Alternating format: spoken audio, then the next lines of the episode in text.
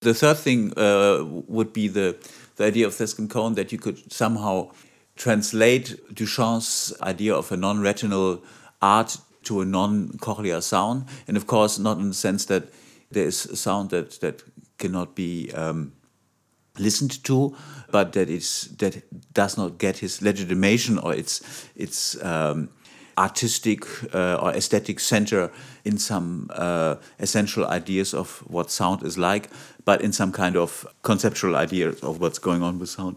And I think that it is not as that symmetrical. I think the, the symmetry is not possible, but it's of course an uh, an interesting idea. I think that since music in the Western sense, Western composition, has always been exactly that non cochlear sound. It has always been about writing scores, and the copyright, the commodity was the score. The composers made a living by selling scores, just like conceptual artists. They've been conceptual artists all the time. So, what happened in the with recorded music was some kind of paradigm shift, of course uh, was recorded music, and especially there where recorded music was not only a document, but where it was made as recorded music, recorded sound, there is a shift towards a certain rethinking of the sensual, a rethink of the sensory, and even one could argue an essentialism of the sensory or an essentialism or fetishization of the sensory over the conceptual. But one has to, to keep in mind that, the, that at least in the Western European sense of music, the score had been the, the major document and was the pillar of the authority of the composer.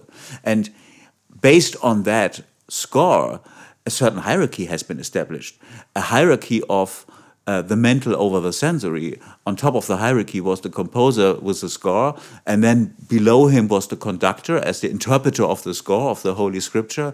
There were musicians who were like commanded to do it in a certain way from above. They were sitting below, and below that was the audience. And so the emancipation of uh, the sensory was, in a way, also directed against that, against that system. But again, of course, there's also um, it would be interesting to think of scores or of concepts uh, in relation to what is now considered to be sound art and, and to think of because sound art of course has a background in the visual arts. Uh, its idea of its idea of framing sound is the installation of the sculpture. It's so it's a three-dimensional thing. And of course many people have have had that idea that what you're doing in a studio is sculptural work.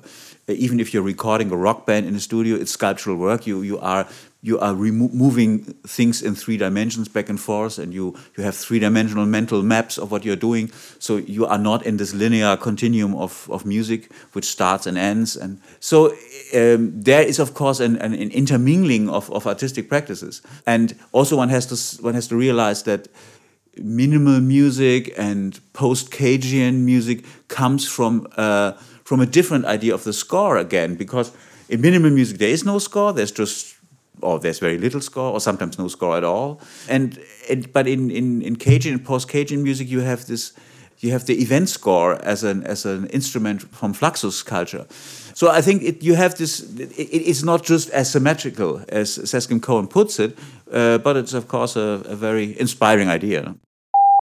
Many artists are working on the border of music, pop music, experimental music, uh, are somehow interested in qualities that are not so that they are not too easy to grasp, that they would not even know themselves about. But mo most cases, they try to be experimental. They try to listen. They try to do a work, play around with their instruments, with the studio, with amplifiers, and all kind of things, and or also with collectivity. They come to certain results. They are more interesting. They uh, and somehow they are also in a way arbitrary and it continues and there are collective moments of intensity and then and so on but the difference here in this project of Terre Thaemlitz is that he's that his main uh, starting point is is a critique of bourgeois ideology and he locates bourgeois ideology supreme in the ideology of music or, or what Adorno calls the ideology of music the, the idea that music is about it is, is in a way about things, feelings, ideas that cannot be uh, articulated by, by, by uh, common language. So he's trying to get rid of that. He's trying to get rid of, of these examples of where music transcends language and and so on. And he has all these experimental ideas of how to show that, for example, with the rubato. And but then, of course, the results are sounds and music, and that is the productive failure because in the end there is something, but it's not arbitrary. It has gone through a through a meaningful procedure, and that that saves it from being arbitrary. But on the other hand, it's a it's a, it's a sonic result. And that is a productive failure because it, it is successful as music.